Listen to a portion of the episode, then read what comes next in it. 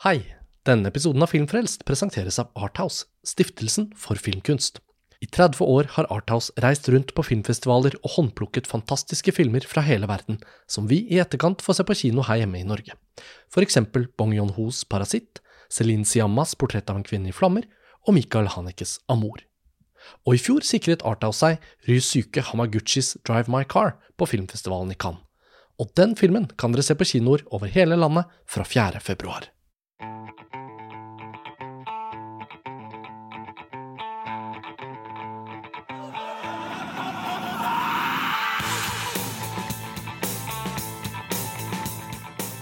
Hei og velkommen til en ny episode av Filmfrelst, podkasten fra filmtidsskriftet montasj.no.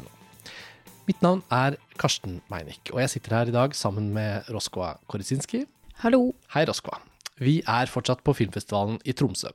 Og i denne episoden så er det du som fører ordet. Eh, jeg er her bare for å være med å introdusere hva vi kan by på, fordi det er en slags spesialepisode. Festivalen har et samarbeid med Norsk Filmkritikerlag, og i den anledning så har de en sånn, eh, et eksternseminar, en panelsamtale, hvor eh, forfatteren Maria Kjos Fonn i år var invitert til å sitte i panelet. Og i den anledning så var hun jo til stede på festivalen og så en del film. Og det er jo en kollega av deg fra forfatterbransjen, skal vi kalle det det. Og eh, dere var og så The Souvenir del to sammen. En film som eh, jeg så på filmfestivalen i Cannes i fjor, og som vi var innom så vidt i en episode der, men som føles både såpass rik og interessant at det ikke er noe i veien for å høre flere samtaler om den. Og da du sa at du gjerne kunne ta en sånn episode med Maria, så tenkte jeg det var en veldig fin avstikker fra hvordan vi vanligvis gjør filmfrelste. Men for meg personlig som ikke har lest noen av hennes bøker, kan du fortelle litt om Marias bakgrunn før vi setter over til samtalen dere imellom? Uh, ja, hun er en forfatter som utga sin første bok i 2014. Uh, eh, det var en novellesamling, og så har hun etter det kommet med to romaner som har blitt uh, kritikerrost, og vel så det, nominert til Brageprisen osv. Uh, Maria skriver veldig sånn rått, kan man kanskje si, ofte om rus, om mennesker som både har en sånn vanvittig styrke i seg, og samtidig kanskje i den styrken også en eller annen form for destruktivitet. Så jeg syns i hvert fall bøkene hennes er veldig interessante, og da jeg møtte på henne litt sånn tilfeldig i går formiddag, og vi tok en lunsj sammen, og jeg skulle da se eh, Souvenir, som jo eh, på en veldig annerledes måte enn bøkene til Maria også på sett og vis handler om rus og død og traumer. Eh, så spurte jeg om hun ville være med, og det hadde hun lyst til. Så da gikk vi og så filmen, og så spilte vi inn en podkast etterpå litt sånn impulsivt. Mm -hmm. Den samtalen skal vi få høre nå. Jeg syns det har vært veldig spennende å holde meg til en litt annen vinkling til filmene. Altså Joanna Hogg, regissøren, har vi jo dekket tidligere på Filmfrelst. Vi hadde en sånn spesialepisode da hun hadde sin tredje film klar, 'Exhibition', og da snakket vi om alle de tre første. Og så syns jeg jo 'Souvenir' har vært et spennende prosjekt å følge, både da den første delen kom, som vi også skildret på Filmfrelst fra Berlinalen den gangen, og så del to, da. Så dette er en samtale mellom deg og Maria som vi nettopp har tatt opp. og ja, vi får bare ønske lytterne god fornøyelse. Nå sitter jeg her sammen med forfatter Maria Kjos Fonn, og vi har akkurat sett Joanna Hoggs femte spillefilm Souvenir Part 2. Eh, det er en løs oppfølger, kan man kanskje si, til Joanna Hoggs forrige spillefilm, som kom i 2019. Uh, og som er basert på noen personlige erfaringer fra hennes uh, ungdomstid, eller tidlige 20-åra, hvor hun mistet en kjæreste, og filmene er på sett og vis selvbiografiske i den forstand at de tar utgangspunkt i disse selvopplevde erfaringene, og samtidig så handler vel filmene like mye om hva det vil si å fortelle en historie. Um, Maria, du har ikke sett del én av denne filmserien. Eh, hvordan var det å komme inn i denne fortellingen uten noe kontekst? Uh, nei, det var egentlig veldig interessant, for jeg visste veldig lite om filmen. Jeg hadde ikke sett noe av regissøren, så det var liksom Jeg hadde fått noen, noen stikkord fra deg om uh, Souvenir 1, og så gikk jeg rett inn i, inn i å se den. Og da var det først litt sånn at du måtte måte vente litt med å komme til bunns i hva som faktisk hadde skjedd, da. Eh, men du, du, man skjønte jo fort at hun hadde mista kjæresten, for så vidt. og jeg likte filmen. Eh, den, var, den var jo veldig sånn, veldig sånn vakkert poetisk filmspråk og eh, vakkert laget, og det var um, veldig sånn erkebritisk, eh, sånn fine, fin estetikk og scener og sånn. Eh, så føler jeg nå, noen timer etterpå, at jeg ikke, at jeg ikke sitter igjen med så mye, da, kanskje. At uh, Ja, at det var liksom forførende og interessant der og da, men, mm. men at jeg kanskje Kanskje jeg ville gjort det om jeg hadde sett uh, Um, eneren, det vet jeg ikke. Samtidig som den sto jo helt på egne bein nå. Ja, fordi dette er jo en litt sånn spesiell form for oppfølger, fordi i den første filmen så eh, er hovedpersonen Julie akkurat blitt student på en filmskole i Storbritannia. Hun er jo født inn i en veldig privilegert eh, britisk familie. Og selv om filmen eh, i stor grad skildrer kjærlighetsforholdet som utvikler seg eh, mellom henne og denne mannen som senere dør, så handler også den første filmen mye om livet hennes på skolen og det forsøket på å eh, bli en filmskaper. Hva er hennes egen stemme? Hva er hennes uttrykk? Hva vil det si å være autentisk? Hva vil det si å snakke fra seg selv? Alle disse tingene her ligger som en sånn derre undertekst i filmen. Eh, samtidig som den har en veldig sånn tydelig handling nettopp pga. dette kjærlighetsforholdet som eh, blir etablert, og som senere tar slutt, osv. Mens denne filmen ja, den er en oppfølger på den måten at vi møter Julie i perioden etter dødsfallet, og samtidig så er den i enda større grad enn den første filmen hva skal man si, ikke en lineær fortelling, men en utforskning av, eller en skildring av hennes utforskning av sitt eget filmspråk, og hvordan det dødsfallet til kjæresten eh, siver inn i hennes eksamensfilm, og hvordan hun prøver på en eller annen måte å uttrykke noe om hva det var, uten å kanskje egentlig forstå hva det var helt selv. Så på den måten så ser jo jeg for meg i hvert fall at hvis man ikke har sett film én, så er dette en ganske sånn assosiativ, ikke så lineær fortelling som jeg skjønner veldig godt den der følelsen beskriver at den kanskje ikke får helt feste, da, nettopp fordi man ikke har egentlig noe sånn tyngdepunkt. Filmen føles ganske sånn eh, drømmeaktig nærmest i formen, syns jeg i hvert fall. Ja, på godt og vondt. Altså, det drømmeaktige er jo spennende òg, på en måte, og passer jo til hvordan hovedpersonen selv, hennes uh, filmspråk og måte å lage film på i filmen. Men det er også det metagreiene med en, filmskaper i en film, og, eller en forfatter i en roman og sånn, som jeg personlig ofte ikke er så glad i. Men det betyr jo ikke at det er noe dårlig med det, eller noe sånt. Men jeg syns det kan bli litt sånn påtrengende, da, eller litt sånn uh, Litt sånn uh, selvbevisst, eller litt meta, kanskje, noen ganger. Det var jo en Hovedpersonen sin sorg var jo veldig sånn nedpå, og det var uh, ikke noe, noe liksom skrik og gråt eller noe sånn store eksesser av selvdestruktive ting, men jeg syns det var liksom små detaljer som, som, var ganske effektive i å beskrive det. Eh, altså sånn en, en, scene er når hun, når hun hooker opp med en med, eh, medstudent eh, og har eh, mensen, og de ligger sammen, og etterpå så er liksom bare det blodet på lakenet, og han har gått, og alt er liksom så stusslig, da, og da, da kommer man veldig inn i den derre Både det å være student og den type opplevelser uansett, og liksom det ekstra laget det gir, da, med med å ha mista, mista kjæresten eh, på den måten. Og så syns jeg også det var var liksom kule detaljer at uh, moren til eh, Julie, var det det hovedpersonen het? Mm. Ja. Hun um, Hilda Swinton, som er veldig flott og uh, fornem og sånn, hun har jo sitt eget kunstneriske prosjekt da, med å, med å lage sånn keramikk, som hun er liksom veldig stolt av de små pottene kattene som hun deppa, sløve datteren klarer å knuse ved et uhell. Uh, og det var noen sånne små uh, så sånn uten at det var uh, gråt eller ekstrem atferd, så var det fine detaljer i en sorg hun kanskje ikke helt klarer å ta inn over seg. Mm. Og hun vet jo heller ikke hva det er. Er hun Savner hun han virkelig? Ikke sant? Og det, det syns jeg var, var fint beskrevet, selv om jeg kanskje ikke jeg fikk på en måte ikke den følelsen av å leve meg inn i et tap, på en måte. Det var mer liksom de ambisjonene denne karakteren har med å lage film, da. Men da kom vi inn på det du kommenterte, at uh, hovedpersonen liksom fremstår ganske basic, da, for å si det på den måten. Eller ukarismatisk, eller, eller hvordan du ville formulert det. Mm. Uh, Ja, nei, ja. Jeg tror eh, noe av det jeg opplever med Kanskje med Joanna Hoggs filmer generelt, men særlig denne filmen og den forrige og dette portrettet av Julie, som er basert på Joanna Hogg selv, altså har de samme initialene osv., er at jeg opplever det liksom som nærmest et forsøk på å unngå alt spektakulært på en eller annen måte. Og det, eh, det kommer jo til uttrykk på den måten som du beskriver, i at liksom det er ikke store følelsesuttrykk, og det er ikke en problematisk relasjon til foreldrene. Ja, det er noe tilløp til noen diskusjoner på filmskolen og sånn, men, men det er liksom ikke Prosjektet er jo ikke i det hele tatt å skildre på en måte eh, det opprivende eh, eller speile noe opprivende. Det er snarere på en måte Hvis det er et ubehag her, så ligger det i at alt er så innmari temperert på en eller annen måte, da.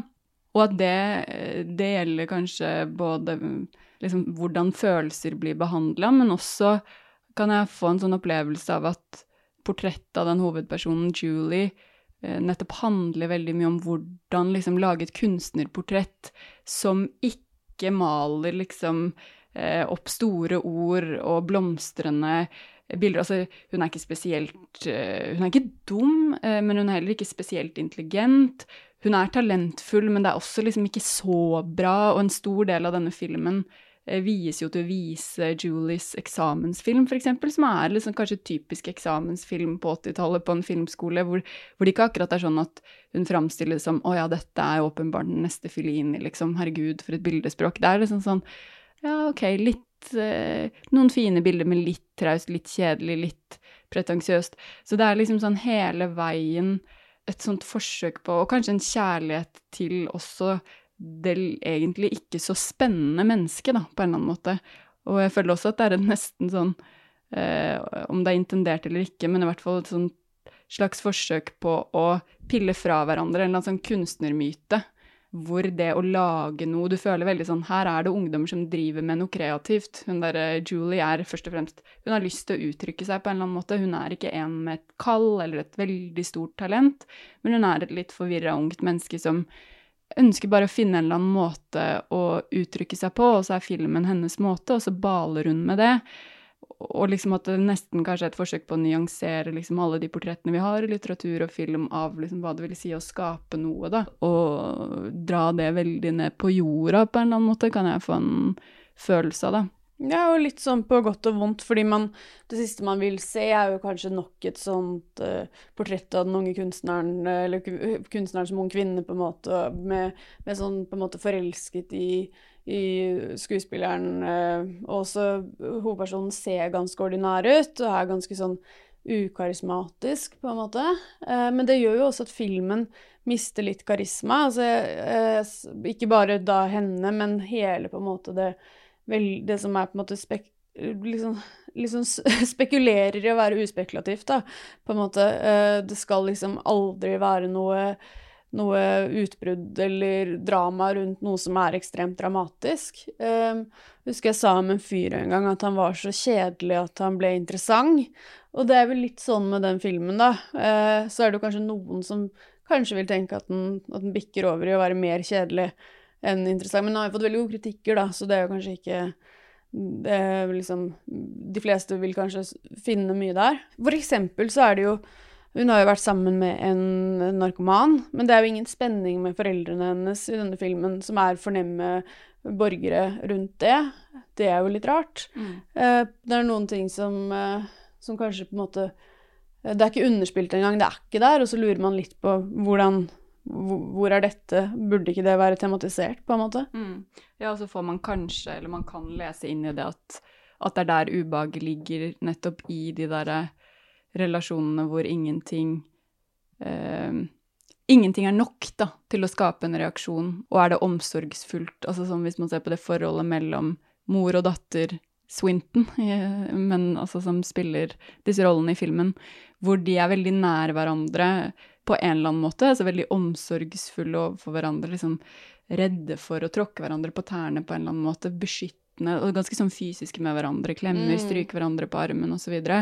Samtidig som det kanskje også kan oppleves som et veldig sånn lite vitalt sted, da, på en eller annen måte, fordi det ikke heller eh, eh, Selv om det er en nærhet, så er det en nærhet kanskje uten eh, så mye intensitet, eller den kan føles litt sånn blast, blast på en eller annen måte, da.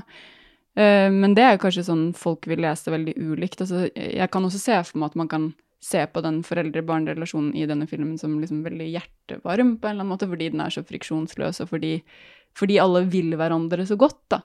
Eh, men, men ja, det blir liksom bare et ledd i en rekke av litt sånn ja, sånn milde, milde dempe Det er et veldig sånn mildt dempa uttrykk over, over filmen, og over også rytmen i filmen, måten den er bygd opp på, som gjør at man selvfølgelig må tenke at det er, det er på en måte Hoggs prosjekt, da, på en eller annen Mm. måte.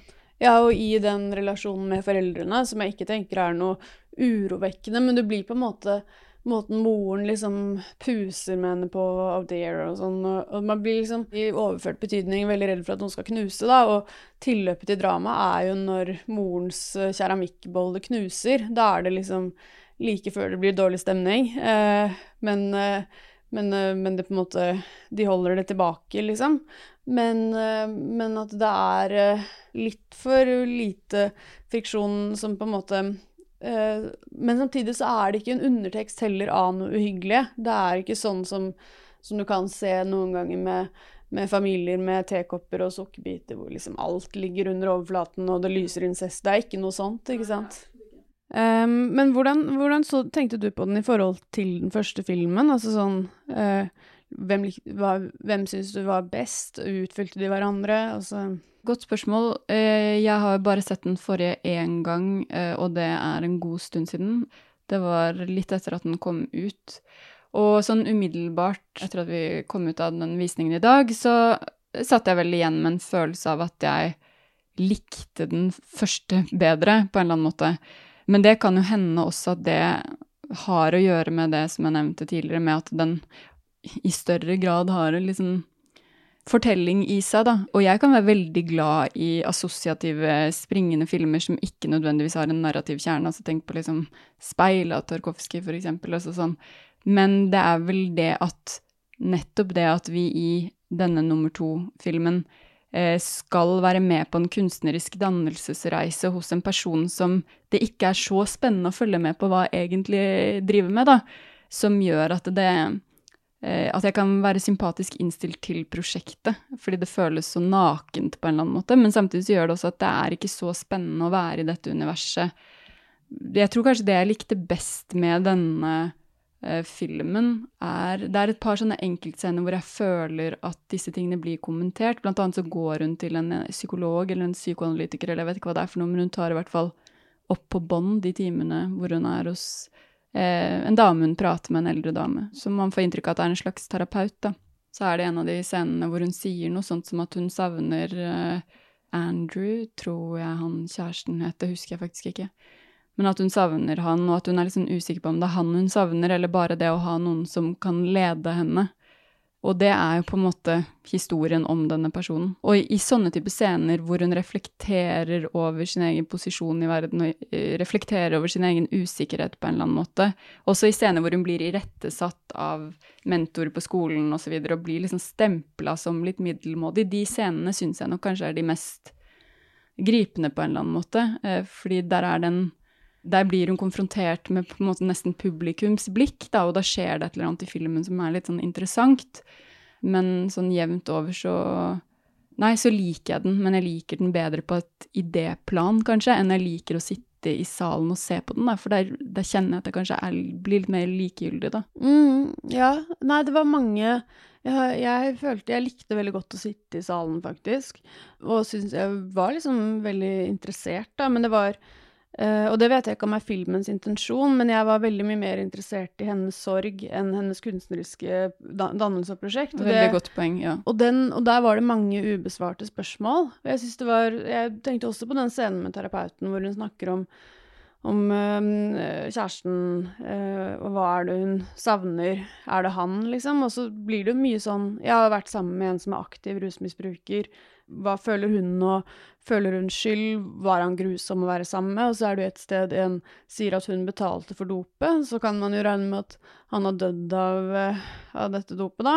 Enten med overdose og selvmord. Hun betalt for selvmordet hans? Altså sånn, føler hun noe rundt det? Og så ser man mange ganger at hun spyr uten at, helt, uten at det forklares med noe graviditet eller noe sånt. Så man regner med at det er et følelsesutbrudd, da. Men, men, men, det er på en måte mange sånne, sånne spørsmål som, som um, er veldig nærliggende, og som er uh, behandlet litt. Men jeg kunne nesten sett litt mer av f.eks. det når hun snakker til terapeuten. Altså sånn, ikke mye, ikke sånn at det ble på en måte en, en odyssé i hennes uh, skyld eller skam eller selvransakelse, men noen glimt, da, noen flere glimt. Mm, og, og, det er klart at når du ikke har sett den første så blir jo de tingene ennå, ennå kanskje merkeligere at det ikke behandles mer, mens, mens jeg også tenker på det som en kvalitet nettopp fordi jeg syns at noe av det mest interessante med den første filmen var hvordan eh, dette forholdet bare eh, utvikler seg sånn helt på en eller annen måte som man Det er akkurat som om ingen av de involverte helt får med seg at det skjer. Plutselig så er de bare blitt et par. Ja, sånn er det jo ofte òg. Sånn er det ofte mm. også. Uh, og han som hun blir sammen med, er jo en del eldre og uh, er veldig karismatisk på en ja, en sånn særegen måte som det er litt sånn vanskelig å si. Han er ikke sånn konvensjonelt kjekk eller, eller veldig liksom Har masse selvtillit eller ler mye, eller Men han har et eller annet ved vesenet sitt da, som gjør at man blir interessert, og man skjønner hvorfor hun er interessert i han. Og hele filmen, til tross for at hun eh, helt åpenbart er hovedpersonen i filmen, altså vi får se henne i andre situasjoner hvor han ikke er til stede osv., så, videre, så er det helt åpenbart at hun er hovedpersonen i filmen, og allikevel klarer filmen på en eller annen måte å skildre den der følelsen som jeg tror at en del mennesker Kanskje noen mer enn andre, men det som jeg tror mange har en erfaring med. Det der med å være i en relasjon og ikke være hovedpersonen i den relasjonen, da. Mm. Hvor den andre bare liksom rett og slett på godt og vondt blir et sånt sluk, da. Og ikke nødvendigvis fordi han er så vanskelig, fordi deres relasjon i den første filmen er ikke nødvendigvis så dramatisk, selv om det blir litt konflikter og sånn etter hvert. Men den er, den er, først og fremst rar, da, fordi han gir henne så lite informasjon. Hva er det egentlig han jobber med? Mm. Hvor er det egentlig han er når han ikke er sammen med henne? Hvem er han? Hvor kommer han fra?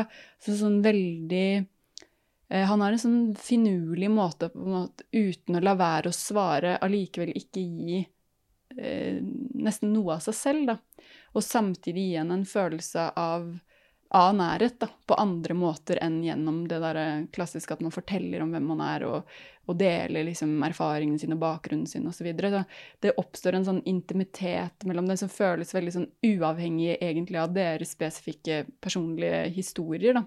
Ja, for det fremstår som kjærlighet. Det er ikke sånn at man tenker at han kanskje ikke er så interessert, at han bruker henne Nei, altså det, det, er, eh, det er akkurat det som gjør det interessant, fordi jo, det er også et aspekt ved det, men, men han framstår ikke som kalkulert. Men han framstår vel kanskje som en person som er knyttet til eh, noen innsikter, da, eh, i hva eh, i noe smertefullt, kanskje, eller bare noe mørkt. Altså, at han har et eller annet sånn nihilistisk ved seg som man først kanskje kan tenke at dreier seg om at han er ti år eldre enn henne, eller hun er i starten av 20-åra, han er i midten av 30-åra, eller noe sånt. Mm. Litt den der typiske at han har sett verden, mens det har ikke hun, så han har ikke de samme liksom, naive forestillingene om hvordan ting henger sammen.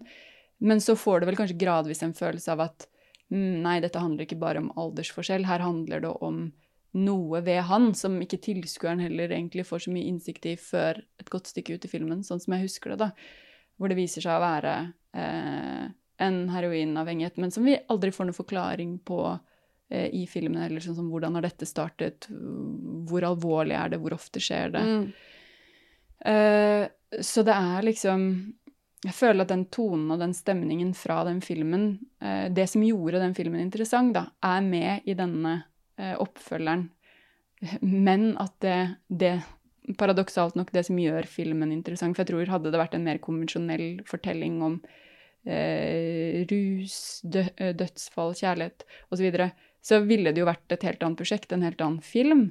Også en Um, film man har sett før i høyere grad enn denne. For det kan jeg sant? si, jeg har ikke sett denne filmen før. Nei, og det, det er et viktig poeng, da, at det er noe liksom, i rytmen eh, I rytmen her og i måten å fortelle eh, om disse temaene på som oppleves som genuint liksom annerledes. Eh, og så er det en styrke, men det er også, eh, også kanskje noe av det som gjør filmen litt sånn ullen, da, fordi det ulne også er liksom litt av tematikken. At denne hovedpersonen på en eller annen måte står også litt på utsiden av seg selv og vet ikke Ingen av oss vet hvem vi er, men hun i veldig stor grad kanskje, eh, i større grad enn mange andre, eh, aner virkelig ikke, og er kanskje ikke egentlig helt så interessert i å finne ut av det heller. Altså sånn eh, Og det gir Ja, det gir filmen en sånn merkelig Merkelig langsomt uttrykk, da, på en eller annen måte. Litt sånn distansert uttrykk. Mm. Men det er, jo, det er jo også risky å lage en oppfølger til den type film, ikke sant? Mm. Altså, det, er jo, det er litt umulig, kanskje, på en Mm. måte. Men, men tenker du at det, at det skulle vært At oppfølgeren skulle vært laget, på en måte, eller eh, Jeg vet ikke. Jeg syns det er vanskelig å forholde meg sånn til egentlig noe som helst. Jeg tenker sånn Noen har laget det. Fair enough. mm, Altså, Du sånn kan det- ikke kansellere at den er laget. Nei, og litt Mm. sånn eh, Av og til så kan jeg se en film og tenke sånn Å ja, men de burde bare ha gjort dette og dette, hadde det ikke vært bedre. Men, men det syns jeg er veldig vanskelig å mene noe om med Joanna Hogg, fordi hun så helt tydelig har sitt eget prosjekt. Så det Så, så jeg føler ikke egentlig at jeg mener noe om hvorvidt hun eh, det er helt greit at hun lager den oppfølgeren. altså sånn, I likhet med det du sier nå, så syns jeg det var overraskende, fordi det var en film som overhodet ikke på en måte legger opp til at det skal komme en oppfølger, Mm. nettopp pga. formspråk osv. Det ikke er drevet av liksom Å ja, hva, men hva kommer til å skje med henne nå? Altså sånn, Du har ikke den nysgjerrigheten når filmen er over. Så, så jeg syns det var veldig rart på en eller annen måte, og samtidig gir det mening fordi det er et sånt veldig viktig omdreiningspunkt sikkert i hennes liv og i hennes utvikling som, til å bli en filmskaper, og kanskje til å lage de filmene hun har lagd i forkant av denne. Så det er jo også sånn veldig sånn selvreflekterende prosjekt, på en eller annen måte. Og det kan Mm. man jo holde på med et helt liv, ikke sant. Så Mm. det kan man jo bare lage oppfølger på oppfølger Mm. på en eller annen måte. Så, så jeg syns det er spennende at hun har gjort det, kanskje også fordi det ikke egentlig eh, sa seg selv at det var en var, Altså at det var en film som trengte en oppfølger.